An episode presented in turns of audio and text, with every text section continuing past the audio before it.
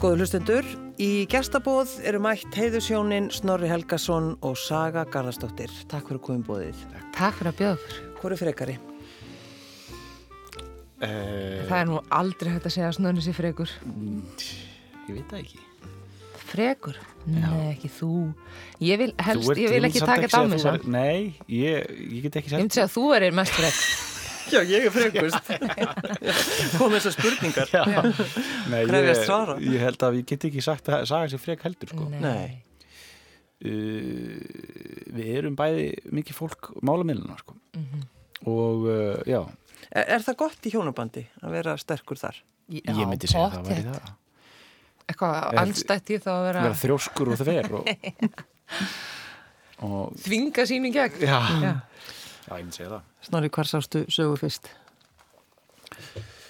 Uh, sko við vorum svona í svipuðum svona uh, sporbögi, vina sporbögi í svolítið langan tíma áður en við urðum svona, áður en við kynntumst. Þannig ég veit ekki alveg hvort ég geti sagt alveg með vissu hvena ég sá hana alveg fyrst. Líklega líka hef ég kannski bara síðan að þú veist í sjónvarpi eða eitthvað svoleiðis, kannski. En ég man að við svona kynntumst fyrst í sundi þá, þá byrjuðum við að svona uh, við, bæ, við bæði vorum að sækja sömu sundlegina og hérna uh, og bara svona byrjuðum að eitthvað að spjalla þar sko Mm. og í tengslum við líka hérna uh, svona, pot, svona hl- hlaðvarps uh, stöð eða, eða svona samsteppi sem við settum upp saman svolítið hópur af fólki í kringum hvað 2013, 14 eitthvað svo leiðis Mm. eða eitthvað svo leiðis þá, þá var sem sagt ég uh, með þátt með, með bergjaböfinu mínum og saga með, með annan þátt sem heitir uh, ástæðan legumarkaðurinn sem hún var með Uglu Egilstóttir vingun sinni Já.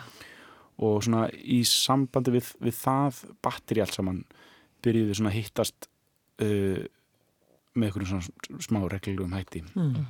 uh, þá, Ég hafa líka svona minningu úr sundi. já, Að því þú veist, ég held ég hafi svona fyrst tekið eftir svona, náttúrulega í sprengjuhöllinni mm. sem einhvers konar popgóði.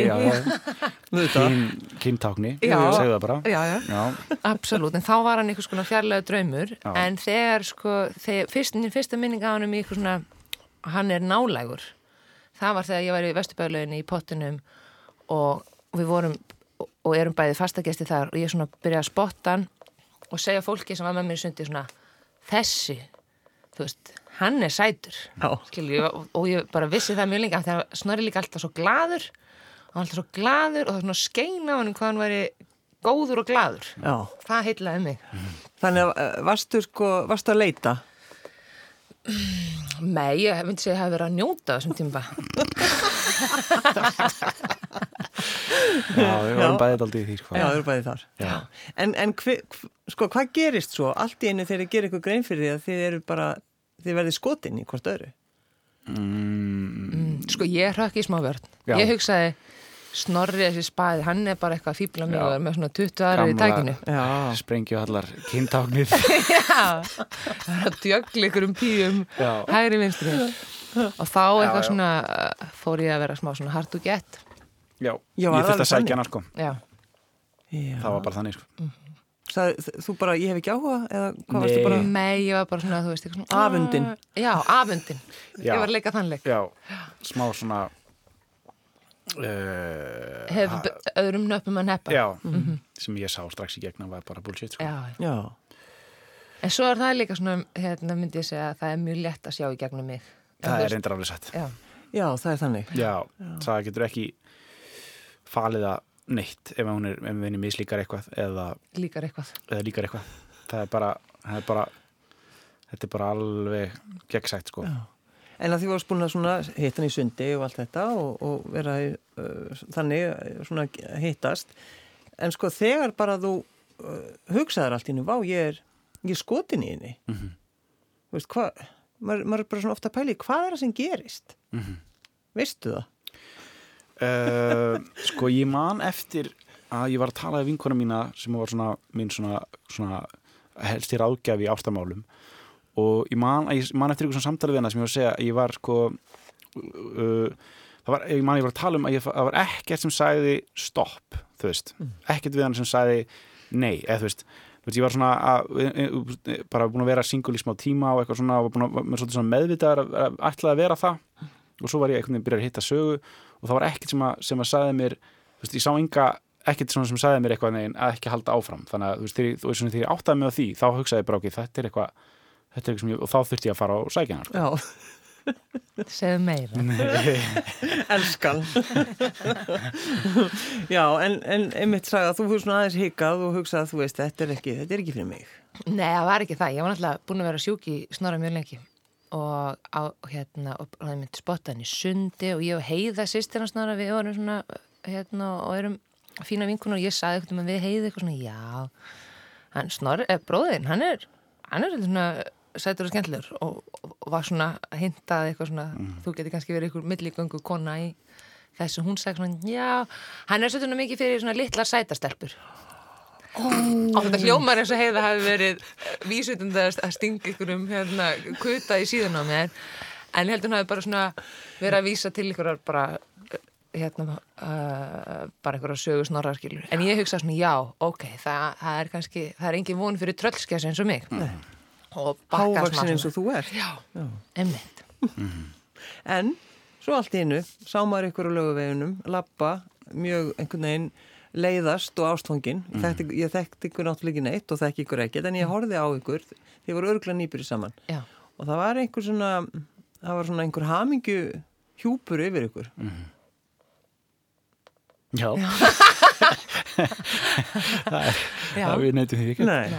Og, og, og sko, fóruð þið strax að búa eða hvernig, hvernig var þetta? Eh, Já, nokkurn veginn eða svona uh, það gerist frekar fljótt, já við Já. vorum svona við byggum bara á sikkurinn staðnum eins og eðlilega svona veginn og svo snorrið með tveimur konum og ég með einu manni. Já, og við bara mjög fljótlega fórum í að- retta því. Já, og svo bara vorum við búin að kaupa okkur íbúð örugglega eftir hvað, svona árið eitthvað. Mhm Já, Og þannig að þið, þið vissu þetta, að þetta væri málið. já, Já. Ég hef líka svona minningu að sem að vinkonu mín spurði mig bara, er þetta maðurinn þinn? Og ég sagði, já, ég veit það. Þú veist, ég bara vissi það. Já. Það er bara svo gaman þegar fólk segir þetta, þú veist, það, en það veit það alveg Ég veit það. inn í hjartanu. Það, er kemur svo alltaf svona moment. En ég ætla líka að bæta við að það var smá svona, það var smá svona staðfesting uh, af því að það, hérna, sem ég finnst svona líkillin að því, og þú viti hvort þú bondi við er hvort það sé gott að kissa hann. Mhm. Af því þú veist, það, það er bara, ég held að, að þú veist, að kossar segir rosalega mikið um hvernig típa þú ert og, og hérna og, og, og hvort þið náið saman eða ekki. Og það var mjög gott að kissa snorra. Ég var svona móment að því þegar ég var hérna og ég bjóð með Otti á Sólaldugötu og, og Snorri kom með eitthvað svona eftir, eftir eitthvað svona skrall heim til okkar og Otti fór að svo og ég og Snorri vorum að kissa og ég hugsaði bara, wow En það sést líka, ef við skoðum myndar á Snorra, hann er með mjög svona djúsi varir og Snorri getur ekki farið í sko, svona sjómars útsendingu á þess að líti alltaf út eins og hann sé með varlit af því að það bara, það eru svo þrútnar það er það njálfinn, það er allt oftur að spyrja bara Já. er hann með varlit? Erum við Eða- varalit? já. Er Snorri Helgason með varalit? Svarið er nei, hann Nei. er bara síþrútin sko. Þetta er yndislegt. Ég baði ykkur að koma með uh, nokkuð lög Já, og uh, fyrsta lagi sem við ætlum að hlusta á. Hvaða lag er það? Hvað viljið þið spila fyrst? uh, Ég var að byrja að prela hann með eða ævintýra því það var svo mikið við að draga okkur saman Einmitt, uh, það er hérna ævintýri með, með rekkjusínunum uh, og bara ástæðan, já, bara, við vorum mikið að hlusta á þú hafður ekki hlustað á spilverkið Nei, ekki, Nei, nei, ekki svona eitthvað svona viti Mm. þegar við erum að draga okkur saman og, og við erum mjög mikið að hlusta á plötuna Sturlu með spilverkinu og þessa plötu ævintýri með, nei, hérna platan heitir uh, Lög unga fólksins með, með, með rekkjusínunum Já, og þetta er svona eitt af okkar upp við erum líka bara svona, við erum bæði miklu aðdáðandur Eggerts Þorleifssonar Hann syngur svo fallega sem söngara og leikara og bara manneski og, Manneskju. og, og hérna og náttúrulega Valgeir sem að sem að semur lagið, Valgeir Guðjóns og hérna uh, já, þetta var bara einhvern veginn svona þe- þegar við erum að kynnast, þá erum við mjög mikið að hlusta á, á þessar plötur já. Var- Varstu hissa á því að, að hún var ekki búin að, þú veist, hafði ekki hlustað á spilverkið og, og rekkjusín? Ég veist það ekkert eitthvað rosa skrítið þú veist, Það ég er hafði- skrítið, já, sko. Nei, ég, hafði sko hlust, herðu, ég ætla að taka þetta fram Mhm. þannig að rúfperðanir Já, að ég hafði alveg heyrt þessu lög Já. ég var bara ekki að hlusta svona gaggjart á þau Nei, nei. Nei, akkurat af því Ég- ég var of upptekinn að hlusta á Ísland úr NATO já. sem er frábær sem er frábær. En við skulum, akkurat, hlustum á, á ævintýri með Já.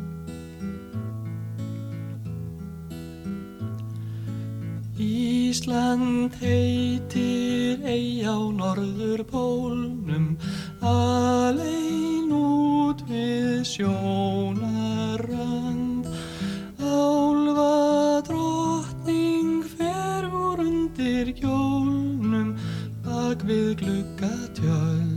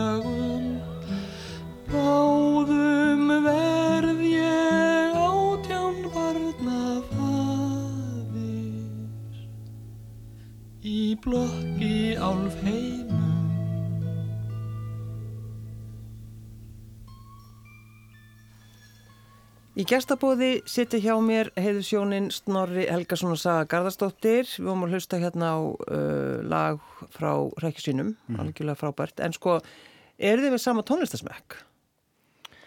Mm. Hann er margir sko, snertifléttir á hann, sammeilegi snertifléttir en, en ég myndi segja í grunninn nei. nei, einmitt Þú veist, ég, hérna, við erum bara svona, en þú veist, það er, það er svona, það er fullt, eða það er samt, Snorri hlustar rosalega mikið á svona gamaldótt já, og ég hlusta á það sem Snorri setur á. Mm. Já, uh, en mótmælir oft, samt, þegar ég seti eitthvað leðilegt á. Já. Stundi segir við Snorra að mér langi að hlusta á eitthvað, eitthvað svona mikið fjör. Getur hlusta á eitthvað svona til að koma mér í stuð? Og þá setur Snorri á eitthvað bara eitthvað svona aldagamlan kallakór eða eitthvað og það er bara ekki það sem ég er að leita. Það sem þeir eru að öskur syngja rósina eða eitthvað svoleiðis, akkurat. Uh, og, og ég myndi segja ég veri svona aðeins meira svag fyrir uh, hérna eitthvað svona nýri nútímanum. já, fyrir nútímanum Já. Já, og, og eitthvað svona R&B rap dæmi Mm og uh, Snorri er það alls ekki Nei. en sko, er, er grunnurinn svona bara í uppeldinu? Er þið mjög ólík, eða komið ólíkum grunni? með sko við saminumst veldið í hérna eitthvað tónlist sem að foreldra okkur hlustuð á Já. og Snorri. Snorri hlustar á tónlistina sem foreldra manns hlustuð á Já, það er mitt, það er þannig. En, en hvað er þú alveg upp, Saga? uh, að bara á, í Reykjavík og Seldenesi smá Mhm. aðalega Já, hvernig varstu sem bann?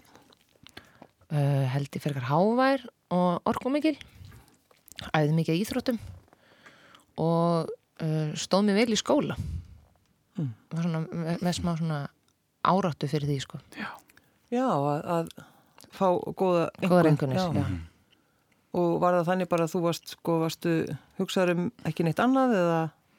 Jú, hugsaði síðan líka um þessar svona sjö íþróttir sem ég Já, en, uh, en ég var svona hérna þú veist, ég var svona eina af þeim sem var kannski ef við vorum í hagaskóla og voru próf og það voru svona nokkur svona stelpur, svona fullkonar árið stelpuhópur eins og ég held að það sé í öllum skólum. Jú, jú, jú. sem að svona er búin að læra og læra og læra og læra undir prófið og skilur ekki pælinguna að gera það ekki.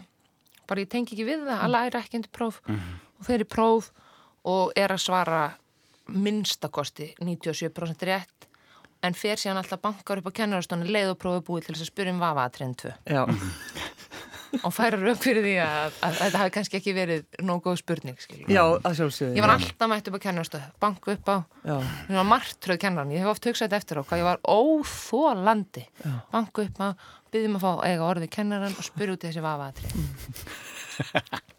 en í hvað fóstu svo þegar þú varst eh, búin með grunns Hérna, og mentaskóla?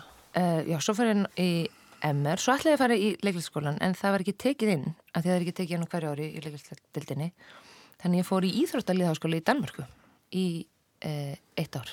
Já, hvernig áttu það við því? það er bara frábærlega. Ég hef alltaf haft mjög mikla þörf fyrir að reyfa mig mikið og, og hérna og bara fór í, að fara í íþrótilega skóla til Danmerkur í, í þannig umhverju var bara algjör draumur fyrir konu sem ég og ég kom líka heim sko, fór í, þetta var svo mjög fysiskt dæmi, vorum, varum að æfa svona Ironman dæmi og, og þetta var bara allt krakka sem hefði áhuga á íþróttum. Þannig að það var bara stöðug áhersla á einhvers konar liftingar og keppni og spretti og, og bara höfði það mjög mikið til mín. Og þegar ég kom tilbaka þá var ég sko þess færum að geta klifur upp tvo kaðla þegar bara höndunum. Já, og ég var bara, mér fannst ekkert skipta meira máli heldur en bara að vera snögg, sterk og fara í leiklist. En það var mjög fyndið að fara í leiklistina því að, að, að svo var svona, þú veist, íþróttímar þar inni og ég var alltaf, já, ok, ekki, við erum hérna ykkur smá tólk og nýjar og, og ykkur framsögn, svo fer ég bara í, í leikvimi já, það geti aldeilis lift og tekið arbegur og látið ljósmynd skína. Og þá var það alltaf bara einhver svona tjáningadans og eitthvað hopp og skopp og ég var svo misbóðið að ég gerði ívístundum í svona tímum þá fekk ég að fara klóstið og fór klóstið og tók arbeið þar. Ég trúi þér ekki. Jú, ég, ég bara sver og svartileg en það er líka þetta sem er hægt að gera á klóstið líka er að það er ekkert mál að gera svona þrýhöfðaæfingar á klóstsetinu Mm. á klósettinu. Já, maður náttúrulega er með lokað Já, svo getur maður gert svona þrýhöfða, svona dýfur Já, já, já. þannig að, þannig að tjáningadansin átti þá einhvern veginn ekki við þig eða Þú hvað? veist, það var nákvæmlega það sem ég þurfti en ekki það sem ég vildi.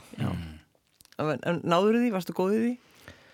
Mm, ég ekki getur nú sagt það heldur. Nei. En ég, svona, ég sé eftir að hafa ekki hérna, fókusera meira á það. En draumurinn alltaf uh, saga að fara í leiklist eða hvað? Já, eiginlega. Það var hérna um, stutt skeiðlanga með að vera sjómaður og, og skipstjóri eins og afa mínir og en svo hafði ég bara svo rosalega gaman að halda aðtegli og, og segja sögur að það einhvern veginn varð vona Já, halda aðtikli og segja sögur. Já. Já, það er, er það ekki góð grunnur Jú. fyrir leiklistina? Og þig? gleðja, það er svo gaman að gleðja. Að gleðja? að gleðja, en þú veist, þegar maður sér einhvern veginn bara svona að maður að læti fólki líða vel það er að gefa mér rosalega mikið. Ertu viðkvæm uh, fyrir svona, já, fyrir gaggrinni í tengslu við leiklistina og það sem þú varst að gera? já, eða ekki, ég myndi segja, ég er bara fyrir að viðkvæm. Mhm. já, já, ég er mjög viðkvæm Það er eitthvað sem fólk kannski dettur ekki huga því það er alltaf einhvern veginn, þú ert svona, hér kemur saga og alltaf stuð og ég og rosalega grínari og já, alltaf í mér og Já. svo bara, svo segir ykkur eitthvað og þá fyrir ég bara að hafa gráta já, akkurat. Nei, þú, ég hérna uh, þú veist, það eru ákveðin hluti sem að hérna, ég hef bara svona óbyrjandi trúa og, og, og get staðið algjörlega með, en ég er líka mjög viðkvæm þú veist, ef, ef mér finnst vera ómaklega að mér vegið eða ég ekki vera, þú veist, skilin rétt eða tekið nú samhengi, þá mm. tekið það mikið inn á mig. Og líka af því að, þú veist, eins og af því að ég hef nú aðla, þú veist, svona, uh, hef mikið verið að grína til dæmis. Og það er rosalega leiðilegt að grín til dæmis slæri ekki í gegn, skilur, eða nær ekki. Og það er ennþá leiðilega ef, maður, ef grín særir, skilur, það er náttúrulega bara svona andkverfið það sem grín á að gera. Þannig að það er náttúrulega rosalega leiðilegt ef maður gerir það þegar maður vill glæðja mm. og þá, þú veist þá verð ég bara mjög leið skilur, ég verð ekki dreið út í eitthvað annan heldur en kannski sjálfa mig, en það er bara svona manni þykir það miður, sko Já. Hvernig er með þig, Snorri? Hvað er þú alveg upp? í hlíðunum mm, suðlíðunum og bara álið til að ég var 17 ára sko Já. Hvernig var að vera, sem sagt, eiga pappa í Ríó Tríó? mm, það var bara þú veist, ég veit ekki, ég hef ekki annan samanbörð en, en hérna e, þú veist, ég var náttúrulega mjög mikið í kringum tónlist og tónlistumenn og, og uh, uh, þannig að ég er svona það var kannski dálítið bara eða það er ekkit, tónlistar heimurinn er, er mér ekkit, hefur aldrei verið mér framandi Nei, nei. kannski þannig að þetta var mjög svona eðlilegt skref fyrir mig að fara stíga, stíga að stíga, þú veist, ég þurfti ekki að stíga inn í hann heim Nei, að fara í mús... að Já. Þú tekur þess ákvörðin að fara í músíkina. Já, En hvaða leið fórstu í tengslu við, við tónlist, snarri? ég bara, ég bara ég byrjaði bara að spila gítar þegar ég var svona 15 ára cirka, bara að að, að, bara greipi gítar bróðum minns og, og fóð bara eitthvað að dunda mér og bara, og svo byrjaði bara að stopna einhver hljómsætti með vinnum mínum og, og já, Og var þetta eitthvað, sko, varst ákveðin, vildur þetta? Vildur verða ég, ég, fann það, já, ég fann það mjög fljótt. Ég var örgulega svona 17-18 ára þegar ég bara svona gaf það út á meðal vina mína að ég ætlaði að verða tónlistamæður uh, og ekkit annað sem kom til greina. Uh, og ég fór líka bara strax að semja músík þegar ég bara kunni strax og ég kunni tvo hljóma samt í lag. Veist og og, og, hana, og hef alltaf verið rosalega, það er alltaf veist, ég hef aldrei spilað annara manna músík neinum ráði, ég hef aldrei verið í ykkurum þú veist, í ykkurum eða verið að spila ykkur session eða eitthvað svona fyrir aðra eða neitt svoleiðis, ég hef bara alltaf verið að vinna við að búa til mitt. Ég er svolítið, svolítið svona einhæfur í því, að því leita ég kann bara gera mitt. Svo svo galli, ég kann bara gera eða þú veist, ég geti ekki dáttið inn hérna og farið, farið upp á svið og spila eitthvað, eitthvað, eitthvað blues gítarsólo yfir eitthvað basic lag eða eitthvað svona þannig eða verið í eitthvað coverbandi eða eitthvað, ég væri ekkit góður í því sko. Nei, ég kann bara að gera mitt sko. Saga, þegar þú horfir á snorri upp á sviði, ærist ég. Sko hérna þá hérna sko ég mann þegar við vorum að byrja saman. Þá var ég ekkert búin að þú veist ég þekkti sprengjuhöllina og ég var ekkert búin að hlusta mikið á sólástöfi hans snorra eða bara snorra eftir það. Og ég man ég var svona stressuð þegar ég var eitthvað að byrja á því ég hugsa bara hvað ef mér finnst þetta bara eitthvað afleitt dæmi mm. þú veit af því þegar mann finnst tónlist ekki skemmtileg það er svo mikið þú veist það myndi skipta svo miklu máli Mm. ef við værum saman og ég væri með tónlistamanni og ég fíla ekki það sem hann var að gera væri bara, myndi ekki ganga því að þú veist eins og öll lög sem að snorri semur að gefa út, ég er búin að hlusta á þau miljón sinnum bara í sófónum heima þegar ég er að gera eitthvað og hann, þú veist, er að, er að gulla og ég man hvað ég var, þetta var sko þegar hérna, ég var í flugi og ég fann hann svona, þetta var bara svona, jæja nú, þú veist, kík ég á tónlistina. Og ég fann bara Snorri Helgason í hérna, hérna það er lítla ljóta hérna, flugvila skjá og hann var, þú veist, það var mér að stafsendingavilla í hvernig nafnið þetta var skrifið, skrifað. Og hérna, og svo ítti ég að play bara svona loka augunum og hallaði sætunni hérna aftur um þess að sjö gráðu sem hann hallaði. Og, og svo var ég bara svo fegin. Já. það var aðlega sem ég sagði, ég bara, yes, ok herðu, þetta er næst svo kom næsta ná, ég eitthvað, ok áfram, og ég var svo glöð sko, og svo náttúrulega, þú veist þegar maður sér einhvern á sviði af því að það að setja einhvern á sviði er svo mikið upphafning þannig að þegar maður sér einhvern á sviði sem maður þekkir, maður þekkir og hann gengur vel það er það náttúrulega rosalegt rockstjörnum moment skilurðu. þó maður sé bara, þú veist, að horfa á mömmu sína flytja ræðu þá hugsa ég, djöfull er hún geggjuð þú veist, það er bara, ef fólk er á sviði og því gengur vel þá hugsa maður alltaf, hún er geggjuð skilurðu, þetta er svo mikið mikil virðing, þannig að mér fannst það náttúrulega bara stórkvöldlega þegar ég horfði á snorra á sviði mm. hvað með þig snorri, þegar þú horfir á sögu á sviði? já, það er, það er bara það sama sko. það er, Já, það er líka það, það er svona þetta er svo, við erum svo uh, kannski þarna hvað ólíkur sko, það sem við gerum á sviði sko. Og sagði svo ógislega góði að taka taka áhörundur og taka sal og gjörsanlega bara svona pakka nú saman sko sem er eitthvað sem ég hef aldrei almennilega náð sko, þeim, því, því triksi sko, og það er náttúrulega rosalegt að sjá það Mm. þegar hún fer í gang sko. En það er kannski líka svona sem er mjög ólíkt við hvernig, þú veist, uh, við það sem við störfum er að starf mitt er í eðli sínu, sérstaklega þegar ég er uppistandari, mm að plýsa, já, einmitt. Þú veist, og ég þarf að koma og, og ná öllum og vera vakant fyrir því hvort að fólk sé að fíla sem ég er að gera af því að þau verða að gera það, skiljum við. Að meðan er snorri meira í, eh, í því að koma og hann gerir sitt. Og það, það er hérna uh, það minn, minni ábyrð honum að, að vera að halda öllum í einu eða þú veist, það er ekki það er ekki grunnskilda hans eins og uppistandar hans. Mhm. Eða Eða- veistlustjórans Já. Já, einmitt, já, akkurat. og, og líka til dæmis eins og þú veist uh, með gríni, þú veist, það verður svo skýrt bara ef hluti ganga eða ganga ekki. En það er það ekki í mörgum öðrum uh, listformum.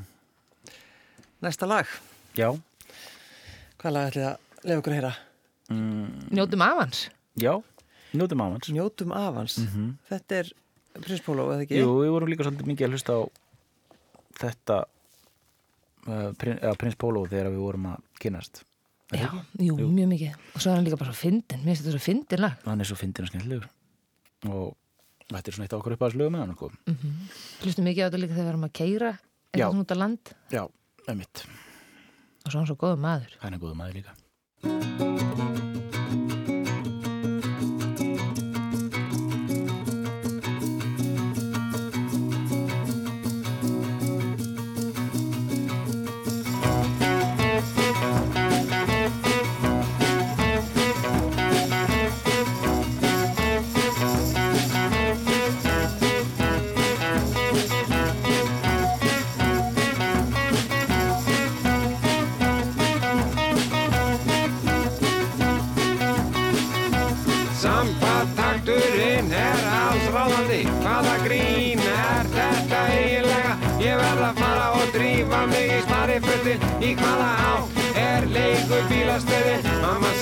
komdu heim fyrir midnight Ekki vera með vesen, ekkert fight Er þú bara dansflót með herra stórfót? Ekki vera lúser, ekki fyrkt í hans stóti Leðu plötu snónum að njóta vamans Þú veit ekki nema ég sé að þetta hafans Ekki vera móðuðinni til skammar Ég leita lengi og ég fann engan annan Hver vill svo sem hanga alinn heima upp á sofa Horfa út svart, út og suður alla daga.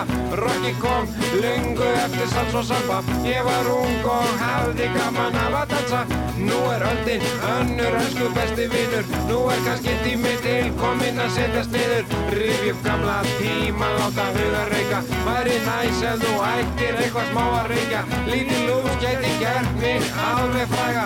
En ef ég hann verð þá læt ég skafir næja Látum okkur sjá hvað á ég að byrja. Réttu mér albúm, ekki vera feiminn að spyrja.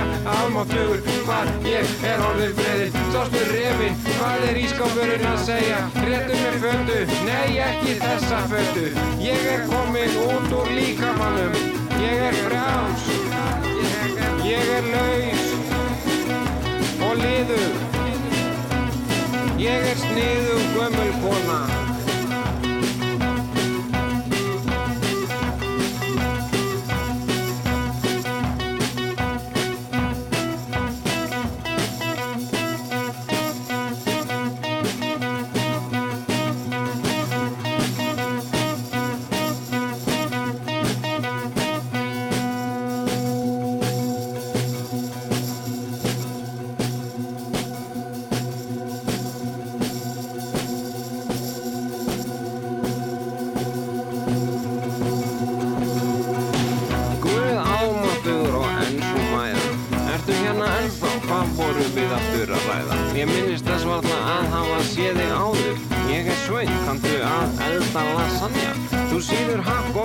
tómatsósu á pönnu Setu það í fat og véttir svo mömmu.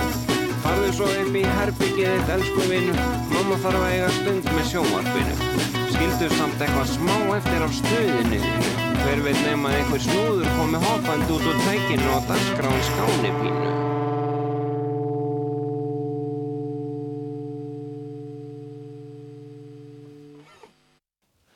Hjá mér sitja Snorri Helgason og Saga Garðarsdóttir. Brúðköpið ykkar, Já, hvernig var það? það var náttúrulega bara indislegt það er ekki hægt að segja hana við giftum okkur á Suðureyri, Suðureyri og uh, í, í, í, í bara félagsheimilu súfyrringa og uh, það var bara, þú veist, það var búið að vera frekar erfitt viður þetta er svona miðan á- ágúst og svona við höfum eitt svolítið, svolítið miklu tíma þarna á sömrin og svona okkar reynsla segir að það sé bestu, besti sjensin á góðu, góðu veðri svona í kringum einmitt, þetta, þetta bil sko, svona setni part ágúst sem er svona, getur verið riski og það var búið að vera frekar leiðilt viður alla vikuna á undan og eitthvað. Já, Bara ætlum að hafa bál, kveikja brennu svona Já, daginn já. fyrir. Já, kvöldi áður að fólk myndi koma á föstu deginum og, og hérna, myndi vera með bren- brennu þá um kvöldið og eitthvað svona. Það var bara ekki hægt út af rigningu. Já, bara brjála, brjálu rigning. Og svo bara vöknuðu við daginn eftir það var bara gjössamlegt bongo sko. Já, það var eins og í svona teiknum það var svona dróðum frá og þeirra svona fuggla sem var svona Já, og það var líka út af því hvernig söður er, er í Súundafjörð þú veist á þú, hún er við endan á, á eh, liggur við endan á, á veg en þú fer ekki þangað þú ert ekki að keira í gegn. Þannig að uh, bara þeir sem þú veist, það var einhvern veginn, voru bara vinnur okkar í bænum og bara einhvern veginn, þetta var bara eins og að vera ykkur, ykkur kvikmyndasetti eða eitthvað bara allir, vinnum hans allan daginn einhvern veginn, allir að hjálpast að við að skreita salinn og og hvert sem þú fórstu svona hæ, Hæ, hæ, fórstu í sund það voru allir, allir í sundi og geðu þitt næst bara, indislegt En hvað, sko, hvor ákvað þetta eða hvernig var það? Var, var þetta sameiginlega ákvörðin eða sko fórstu Snorri á var hnén mikið, mikið gegn þessu. Já, hann var rosalega mótus. Vingaði þetta í gegn. Hver komi hugmyndina þá? að, að meina að vera á, á, á Nei, bara ég ætla að giftast þér, Já. skilur uh, Fórstu á hnén eða? já, Já, þú gerði það. Já.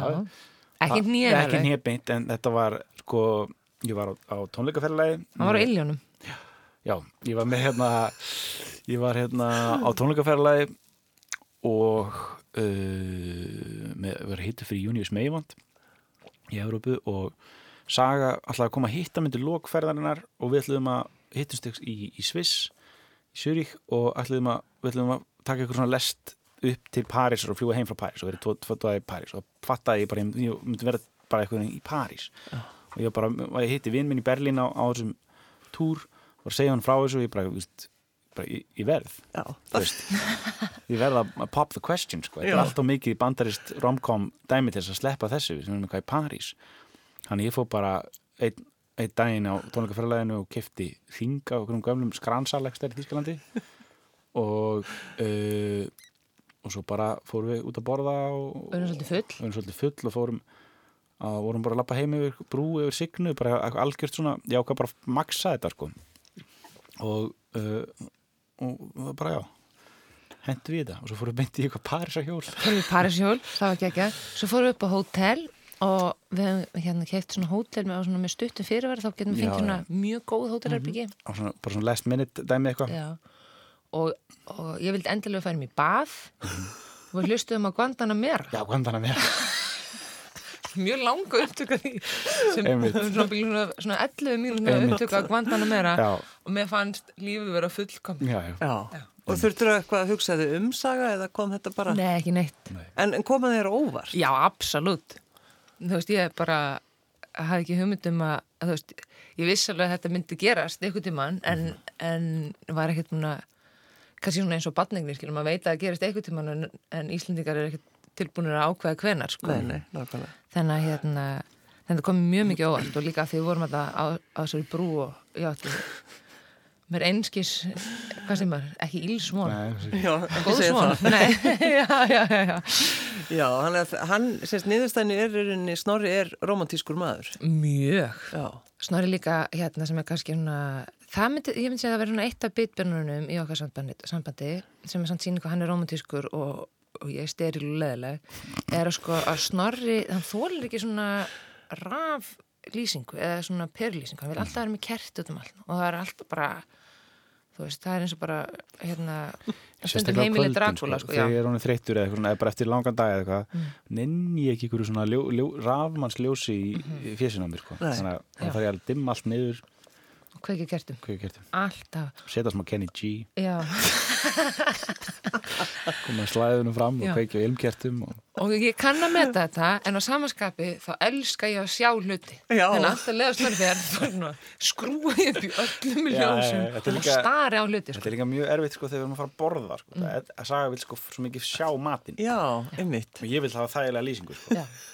það vil saga bara vera með vasaljós á matnum sko. Já. Já. En það er enda að gerast yfir þetta við, við hækkum í ljósinu Já, hækkum í slítið. Já. og svo vil snarri alltaf hafa opingluga og ég vil hafa lokaðan gluga Mm, einmitt. þetta eru svona stóru málin í Já. okkar sambandi. Það er kertaljósið og hvort vilt hafa opinn eða lokaðan glugga. Sko, ég vil hafa kjartaljósin. Ég bara, ég vil líka sjá hluti. Já, einmitt. Já. Þannig að þe- þegar þú vilt sofa í þannig loft og þú getur eiginlega ekki andað. Já. Þannig, já, einmitt. Já, ég vil e- eiga erfitt með anda. Andadrátt. Já. Og svo er náttúrulega bara eins og lög gera ráð fyrir, þá auðvitað eignist til barn. Það er bara eins og, eins og, maður, eins og maður á að Eins gera. og fólk gerir. Eins og fólk gerir. Vor, uh, var gifting og barn eða barn og gifting? það var barnagifting. En það var trúlóðum barngifting. Já, Mm, já, þá, þá er þetta allt í lagi. Já, takk. Voru þið, voru þið tilbúin í það hlutverk, foreldra hlutverkið? uh, já, já, ég minna eins bara eins og eins og maður, ég hefði bara, já, ég myndi segja það við bara, Við vissum að við vildum eignast barn og maður að tala um það að, að það veri gaman. það væri Mér er sem búin að ákvæða hvað, hérna, hvað myndi að heita já, það veri stelpa og hvað myndi heita eða það veri strákur. Mhm. En, en það var samt alltaf svona, eins og ég held að margir hugsa alltaf svona, já, eftir tvö ár. Já. Ah, og svo eftir tvö ár hugsa maður, já, kannski eftir svona tvö ár. Já, já, já. Við tölum alltaf bara um, já, Já, eftir við hefum hefum hugsanlega ennþá verið í þeim leik núna, sko. Það væri svo mikið að gera hjá okkur sem, að, sem er náttúrulega bara rugl. Svo var ég bara óvænt ólétt Mm og það var mjög gaman. Það var bara mjög gaman, gekk húslega vel. Mér fannst mjög gaman að vera ólétt. Mm Þú varst mjög góð í. Hún var alltaf, að- hún var alltaf hérna að, uh, hún var svo mikið í ræktinu, sko. Já. Það er til ógeðslega svakalega myndbyrð af henni, mér er ísa bumbu bara að taka ykkur upphýfingar Já. bara alveg klári í þetta sko. kom bara íþrótta líðháskóla Það er mjög gaman. Það var þannig meðganga. það var þannig Já. Ætlaði eignast fleiri? Vitið það? það er bara ekki vita sko. Nei. Nei, ég veit ekki. Við kunnum voða vel við okkur þrjú, sko. Það er það er, er stærð sko. sérstaklega þegar manni, eh, þú veist, ég fann það allavega rosalega vel þegar við eignast ettu að mér fannst mjög erfitt að hugsa um eitthvað annað. Eiginlega bara svona tvö ára eftir. mm Það fannst mér bara hérna e, þannig að e, það er sko e, ef maður vill skapa og gera sitt eigið þá er náttúrulega það að gera sitt eigið og skapa sitt eigið barn, það er náttúrulega rosalega stórt og tímafrekt og, og æðislegt en það er einhvern veginn, það setur allt annað svolítið til hliðar sem er æðislegt og frábært og maður er alveg til í það líka en það er bara spurning hversu áttu við viljum gera og núna erum við heldur bara nokkuð sátt sko. Mhm. Er þið sko, er þið mjög skipulað því þið eru bæði í svona krefjandi vinnu? Er þið, hvernig er svona, Herðu, við er heimilislifið mjög skiplagt? aldrei verið jafn mikill í rútinu akkurat núna. Nei, já, en það er líka af því við erum bæði fastri vinnu. Já, við erum bæði í fastri vinnu akkurat núna og við erum bæði að vinna í leikúsinu Já. og, og þá erum við, og við erum að vinna í sama leikúsi þannig að við erum, að, við erum bara með rosalega fasta fastan vinnutíma uh, meðan við erum að æfa upp þessi verk og uh, þú veist, við erum bara með dóttur okkar í leikskóla og fyrir saman í vinnuna og svo saman úr vinnuna að sækja hana og bara í sund og elda mat og svo fyrir hún að sofa og við chillum að þessu fyrir svo að sofa þetta er bara allt. Já. rosa Rosalega lifið, spennandi líf. Þetta er það, þetta er bara algjör rútina Já. sem er mjög fyndið af því þegar við vorum að kynnast þá bara vöknuðu alltaf tíu lágum í rúmunu til svona halv tólf. Stektum egg og bacon, snorri kom vildi bakaða bönir svo fórum við kannski í sund og svo svona klokkan tvö hugsaði já, og ættum kannski að hérna, setja ykkur á blað. Því þá er, er svo mikið kvöldvinna þú veist, þá var maður alltaf að gigga kvöldin og, já, svona já, en núna erum við bara vakna svona sjö. með ettu og mér finnst sko geggja því ég hef ekki verið í fastri vinnu svo lengi. Mér finnst svo gaman að fara í kaffivél á já, dýrka það! Já, mér finnst það, mér finnst það svo mikið manneski þetta er svo ógæslega gaman. Finnst þú vera fullorinn? Já. Já. og bara líta til liður það er alltaf einhver sem er líka að vinna þarna. Og ég er alltaf bara hei, hérna, hvað gerir þú í gær? Mhm. skilur svo bara tölum við um það. Mér finnst það geggja einmitt. En sko, þetta er náttúrulega eins og þið segið að þið fyrir bæði í fastri vinnu akkurat núna, þannig að þetta er svona kannski svolítið öðruvísi heldur en vennilega. já, Já. þetta er það sko. Og, og mjög skemmtilegt. Erst þú jafn næstur þegar þú kemst í kaffivélina í vinnunni? Finnst þið það jafn spennandi? Mér og- finnst þetta mjög, mjög, finnst mjög næs að vera í svona rútínu sérstaklega uh, af þetta er líka tímabundi sko, þá finnst mér fínt að vera, vita að Já, þetta er þetta er bara stuttu tíma. já, Já, það er- svo hugsa maður, svo fer ég, svo halda allir hín áfram. já, Það er fyrir, trygg. svo, fyrir, svo þarf ég að fara að gera eitthvað annað þú Já. veist, tekur næsta verkefni við og þá, Já. þá hérna breytum við um takt og það er svolítið gott við þurfum það greinilega svolítið. Það er mjög gott að líka það, þú veist, að þetta að fara í þessa rútínu er mjög mikil takt breyting. Mm. Svo þegar hún hætti þá fyrir við í annan takt og, og. En eru þið sko, þú veist, eru þið þá alltaf saman? Eða þið eru kannski ekki saman í vinninu sjálfur eða? Nei, við erum í sig ykkur en, en við erum mjög mikið saman, sko. Já. Það er alveg satt. Við, já. Já. Erum alltaf eiginlega bara eitthvað, miklu meira, að við erum bara heima og fáum fólk til okkar í heimsókn og matabóð og svona frekar heldur en að Mm. vera eitthvað út að Já, Snorri náttúrulega, hann vil bjóða fólki mat svona fimm kvöldu vikuna og hann gerir það. Já. Hann elda náttúrulega alltaf, ég eldi ekki neitt og ég mann þegar við vorum að byrja saman þá held ég svo rosalega oft að við værum að fara á stefnumót og það mættu alltaf svona sjö manns líka en við erum mjög mikið með matabóð Já, já. Ertu góðu kokkur sem sagt? e, Mér finnst gaman að elda allan, já. Já.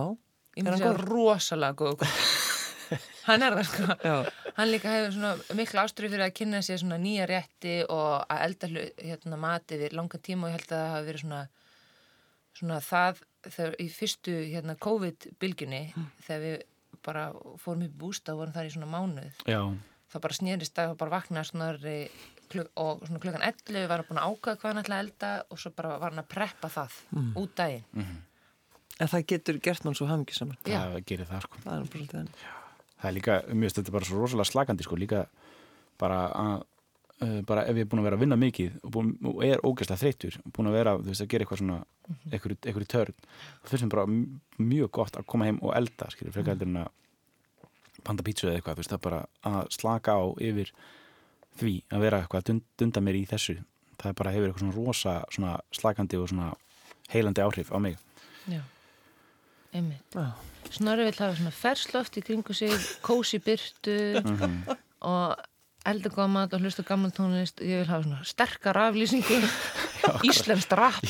Ískalt rap og þungt loft. Og kannski ekki og beikon. gera ykkur arbeigur kannski. Já. Í kefni. Um, þá er það þriða lagið ykkar. mm, Við erum búin að hlusta á uh, Prins Pólo og, og Rækisvín. já, svo vildum við hvað? Kim Larsen, já, Kim Larsen uh, smúkjóungi með englisku ég, sem er bara, það myndi ég segja var í, var í saga, sko, saga kom mér á bræðið með þetta dót, sko, þegar við erum að kynast uh, verandi af svona skandófíla fjölskyldu mm. -hmm. fóreldrarna læriðu í Danmörku og uh, eru svona mjög svona skandinavísk í Mhm. uh, bara skandinavísk svona bara stert skandinavísk bein í þeim báðum, sko. Þá hérna uh, já, ég held að fólk minn hafi líka ge- á svona nokkur sinnum gefið mig Kim Larsen disk mm, já, það þau bara vilja að ég hlusta á hann. Já, já. og sem ég gerir líka sko. Mm Þetta er bara skilda. já, já. þetta, þetta smúkjungi menneskir er bara svo mikið stemningslag sko. já, það er, það er ekki hægt að vera leiður og hlusta á þetta og það er rosalega gaman að stunda íþróttur og hlusta á þetta já, Vi skulle lyssna.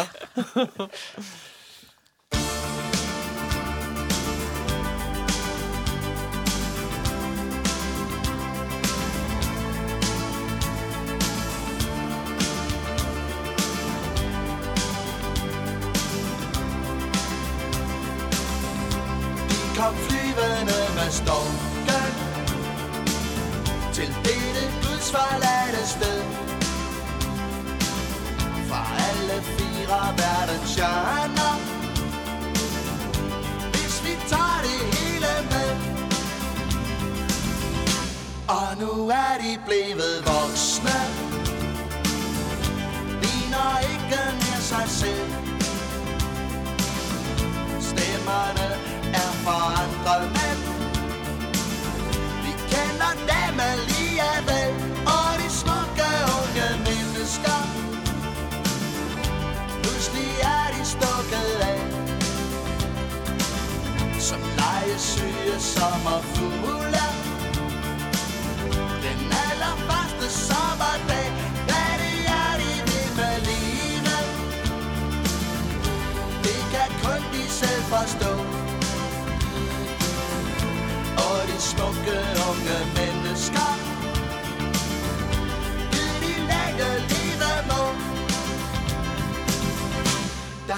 Nogen som blev tilbedt måtte nøjes med. Digitale vuggestuer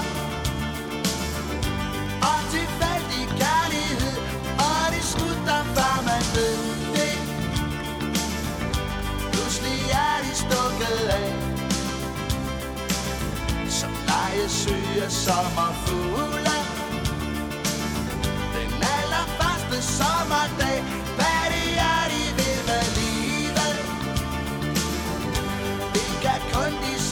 stå. Og det smukke unge mænd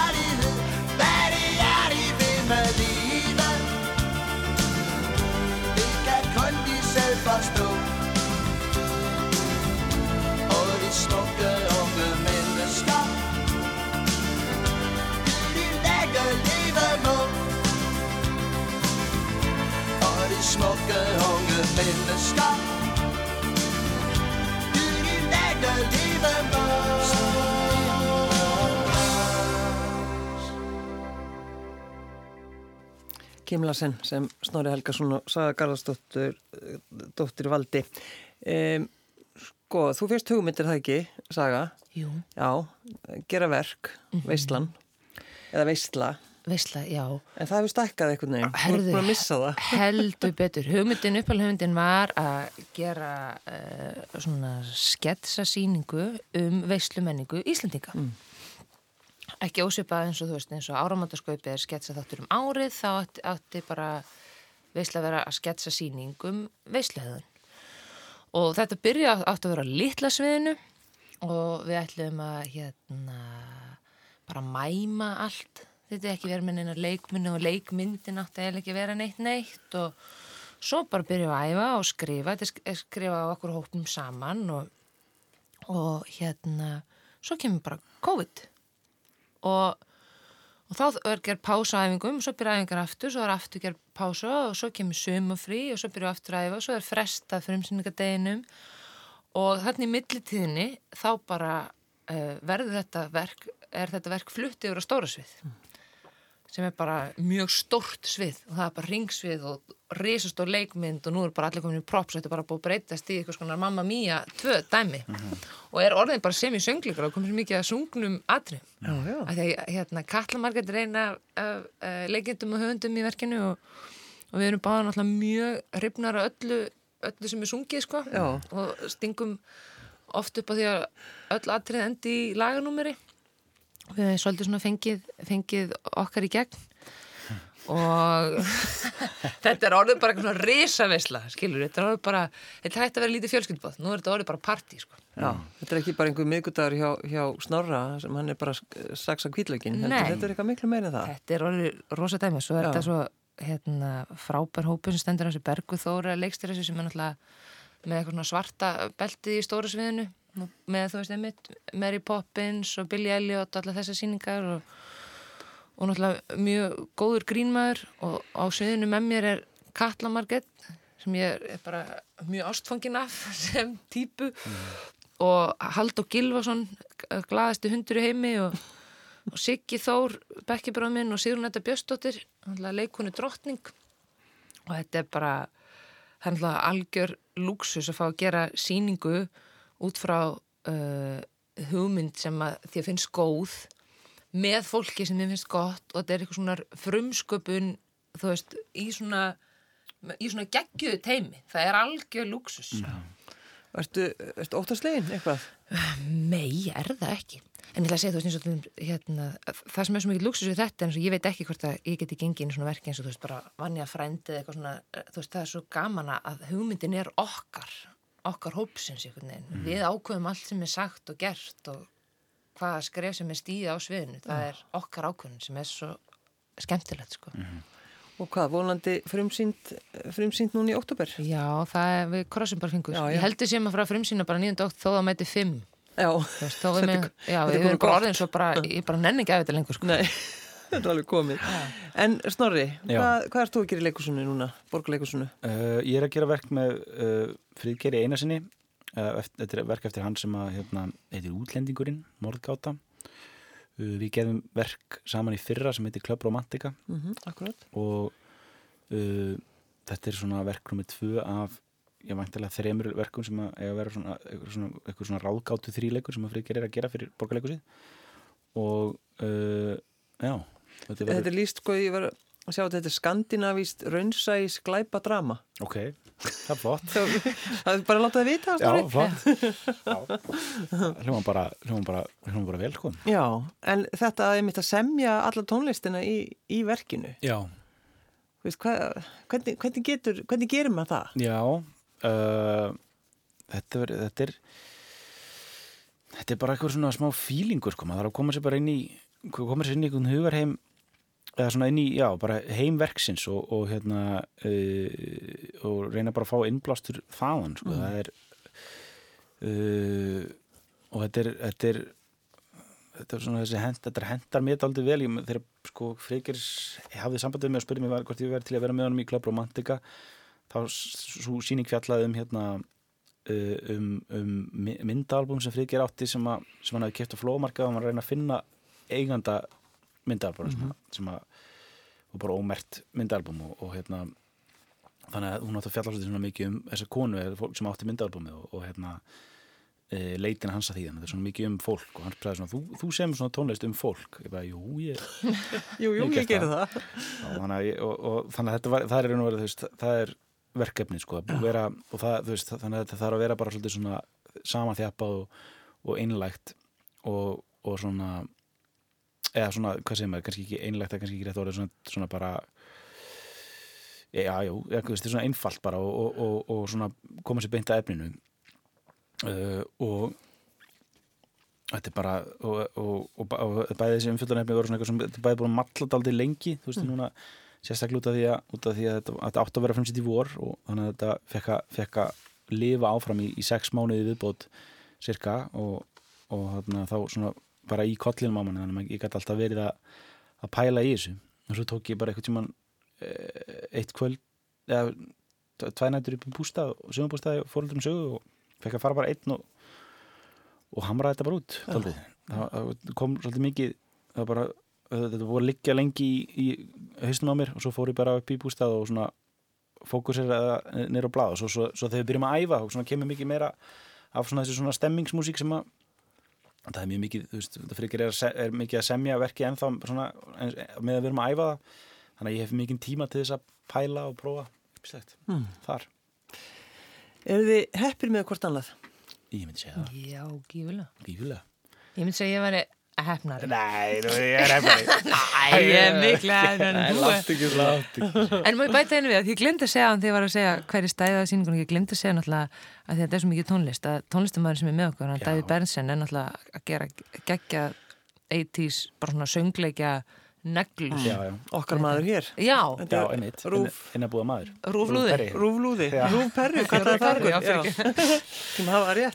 Uh, lag er það? er If I Can Dream með Elvis Presley sem að e, var við, það var hérna hún Silla vinkun okkar e, söngaði fyrir okkur í aðtöfninni í brúköpunu sem er mitt Ilmur Kristinsdóttir vinkuna okkar e, stýriði aðtöfninni í Suðurar kirkju e, og þetta er svona eitt af okkar uppáhaldslögum náttúrulega Og- rosa negla. rosalega stórt og stert lag og svona e, mikið mikið kraftur í því og eitthvað sem okkur bara, við okkur þykir mjög vænt um Sko, hann trillist í þessu lagi. hann trillist algjörlega, Já. það missir stjórn á sér sko, Hann missi stjórnum sér. sem er svo geðveitt og, og bara Og Snorri náttúrulega fílar Elvis mjög mikið. já, ég gerir það, Snorri Helgason og Saga Garastóttir. Takk fyrir að koma í gestabóð. takk Takk fyrir okkur.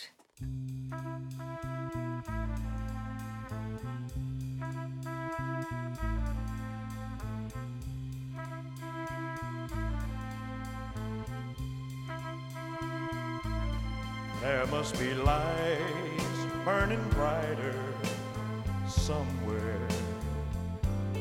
Got to be birds flying higher in a sky more blue. If I can dream of a better land where all my brothers walk hand in hand, tell me why,